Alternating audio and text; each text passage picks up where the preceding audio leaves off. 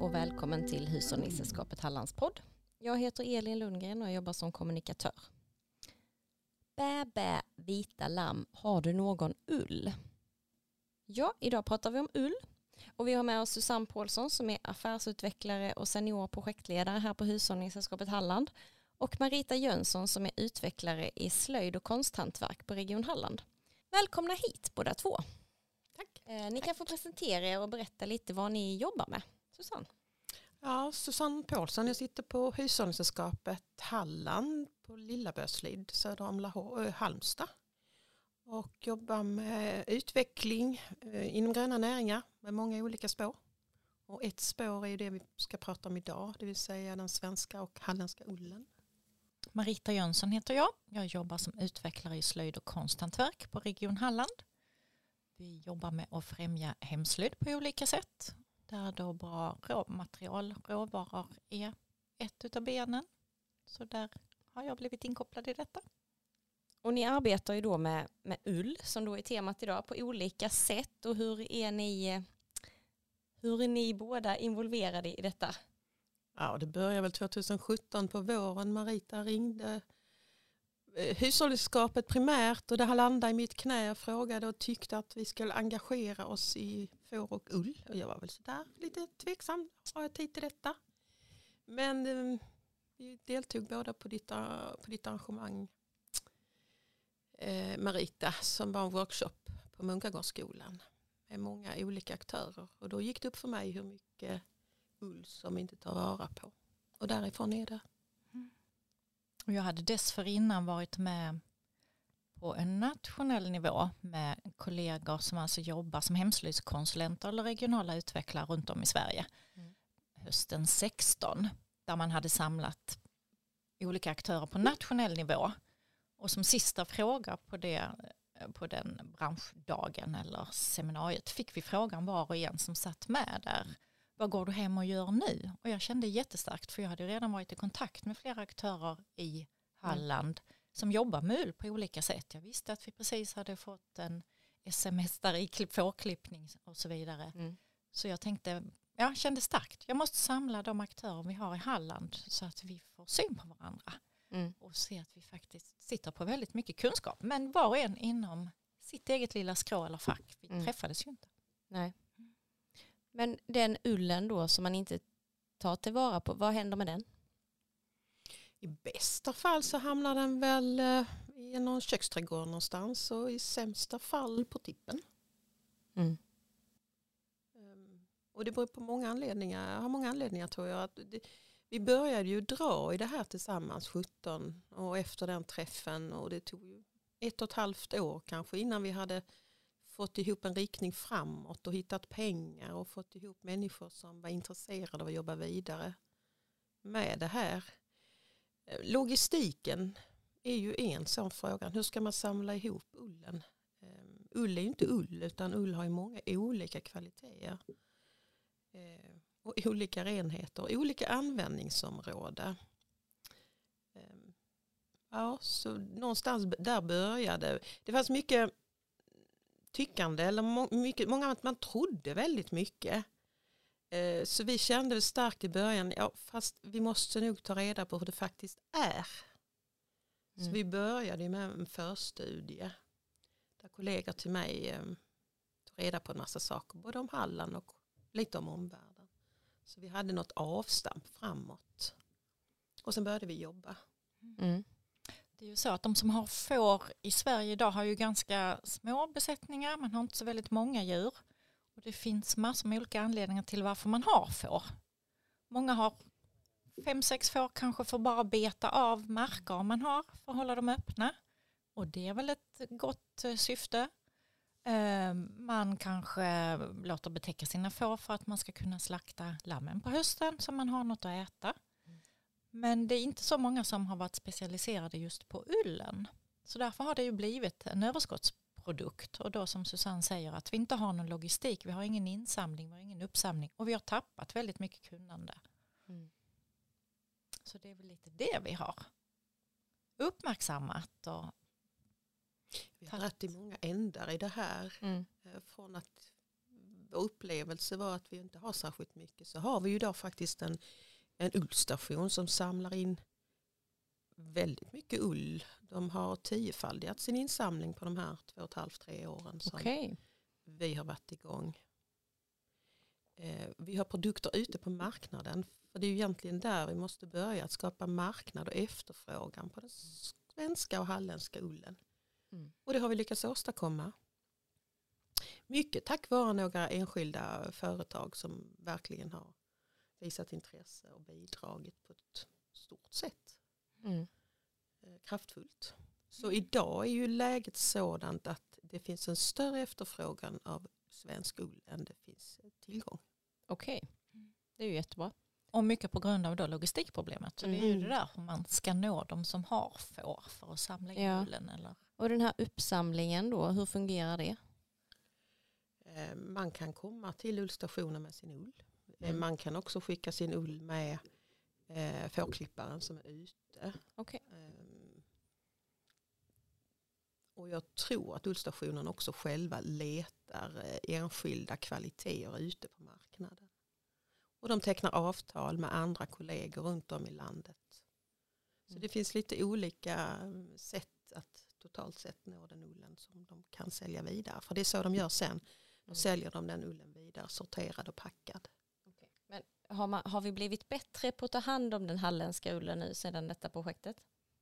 Det är nog min bild. Ja. Jo, det är ju fler som har fått upp ögonen och framförallt kanske bland allmänheten också. Mm. Just det, här, det har gått ut mycket ju i media, det är ju inte bara vi i Halland som har jobbat med ullen, det är på annat håll också. Så mycket har det ju tyvärr väl varit rubriker om att vi slänger ullen eller sådär. Och det gör vi ju förvisso, men eh, det, det får inte bli för negativt.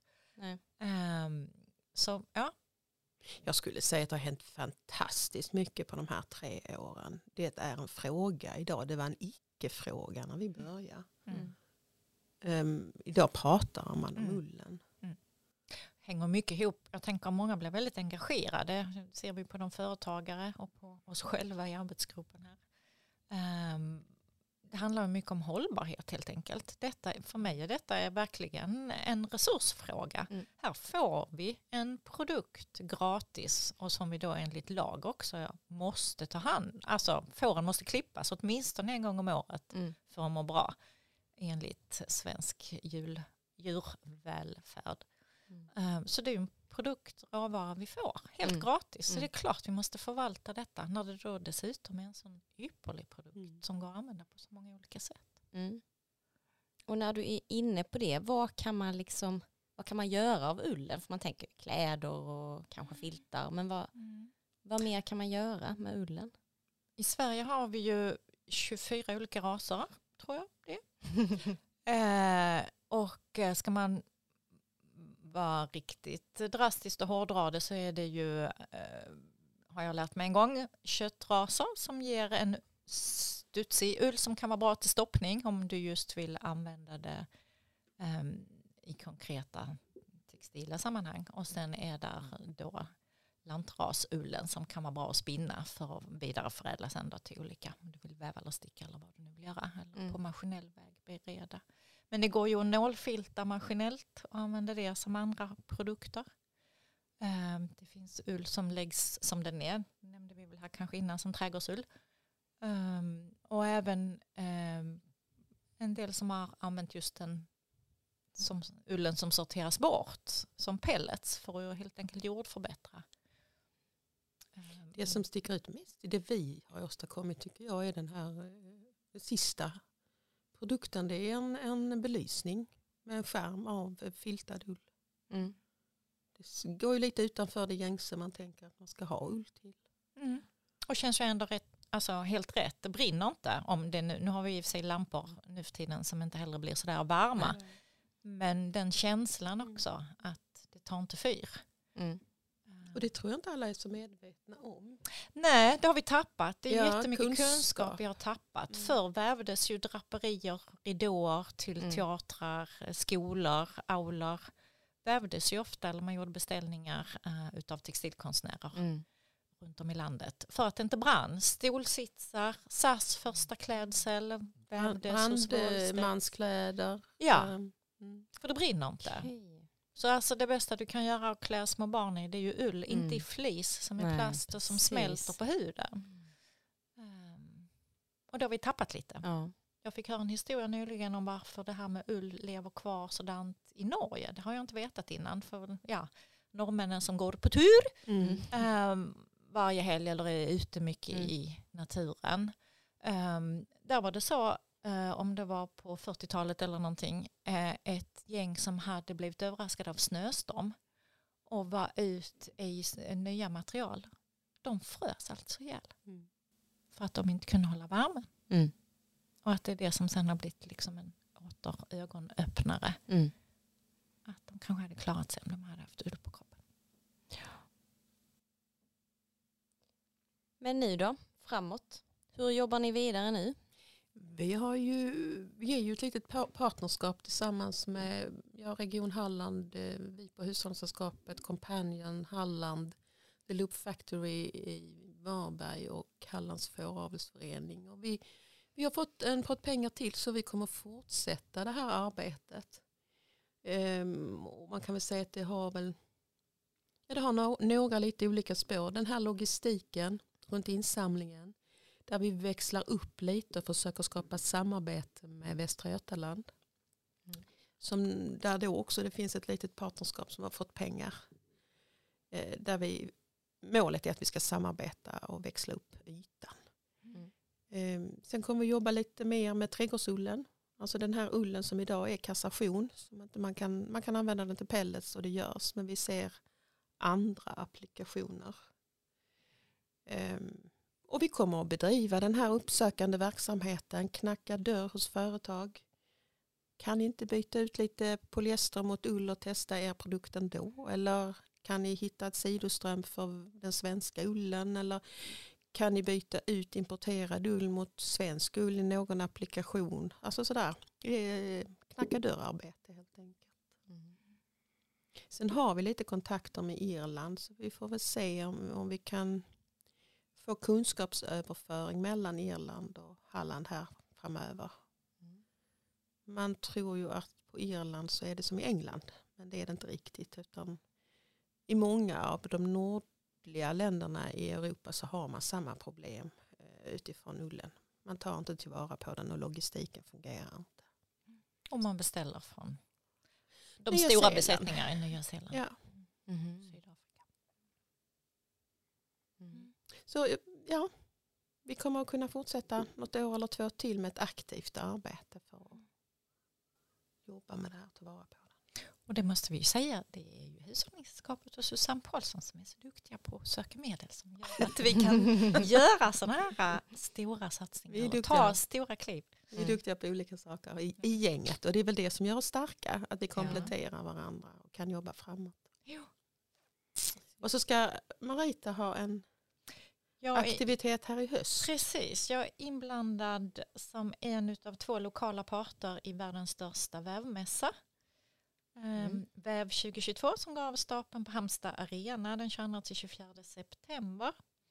Eh, Och där har jag ju då utverkat att vi får en monter för att kunna visa upp just ull som resurs i vårt första Mm. steg här. Så de produkter som är framtagna så här långt kommer att visas upp och vi kommer att prata halländsk ull på mässan. Bland annat, där är ju Mm. fler utställare som kommer att visa produkter från olika delar av världen Mm. eh, och ha med sig allt ifrån garn till andra saker. Och mycket föredrag kring olika saker. Så det är ju inte bara ull i fokus där. Men vi passar på att visa Mm. det som jag har varit inblandad i här nu Ja. på senare tid. Så bland annat ull som resurs där.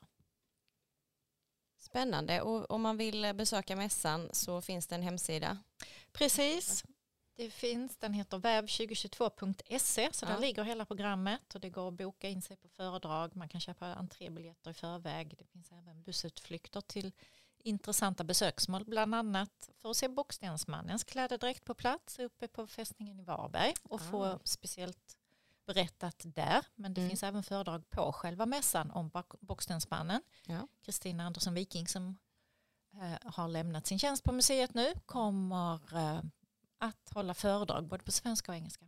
Ja. Och en bussresa går till Unnaryd, eh, dels för att se Bonasmuseet men Hembygdsmuseet där har ju också en vandmalsdamp som de kommer ha i ordning och eh, vävstugan som finns i Unnaryd har vävt tyger, stampat ullen i vadmalstampen. Så de kommer att visa upp vad de har gjort på det sättet. Så Ah. där blir också kopplingar till ull. Mm. Mm, spännande. Mm. Mycket att se helt enkelt. Mm. Är det någonting mer som ni vill tillägga? Arbetet fortsätter framåt. Mm. Klär i ull.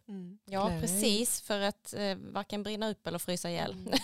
Det är ju även svalkande. Det Ja. även, alltså, ser man till hur kläderna ser ut nere i Afrika så kaftaner och så där nere så Ja. skyddar man ju sig även för Ja, precis. Ja, jag, jag var på en intressant utställning för förra veckan. Jag var på Nordiska museet i, i Stockholm och tittade på NKs specialutställning om deras eh, syateljé.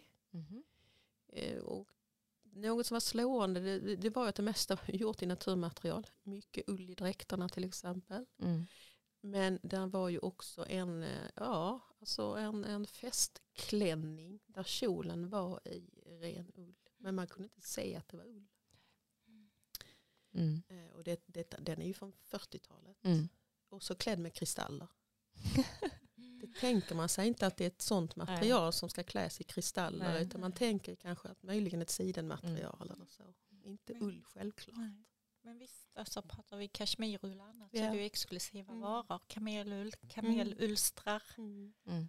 Vi har tappat kontakten med det Absolut. Mm. Jag skulle vilja förespråka att när man tar studenten får man sig en yllrock och sen ska man ha den rocken hela livet. Eh, så får man lära sig att lappa, laga, vädra, Ja. borsta. Ja. Ja. Pratar vi hållbarhet. Lappa och laga, ja. Lappa och Det laga. borde man ju bli mycket, mycket bättre på. Mm. Ullsulor i stövlarna. Ja, Det strumpor. hade alla förr. Mm. Mm. Strumpor, Mm. strumpor på vintern. Mm. Nej, så vi fortsätter vårt arbete. Ja. Och man får gärna ta kontakt med oss om man har frågor eller undringar eller Ja. idéer. Absolut. ja, men då tackar vi. Tack för att ni var med. Tack. Tack. Och tack till alla som lyssnade. Projektet Ull som resurs möjliggörs genom medel via Länsstyrelsen i Hallands län och EUs landsbygdsprogram.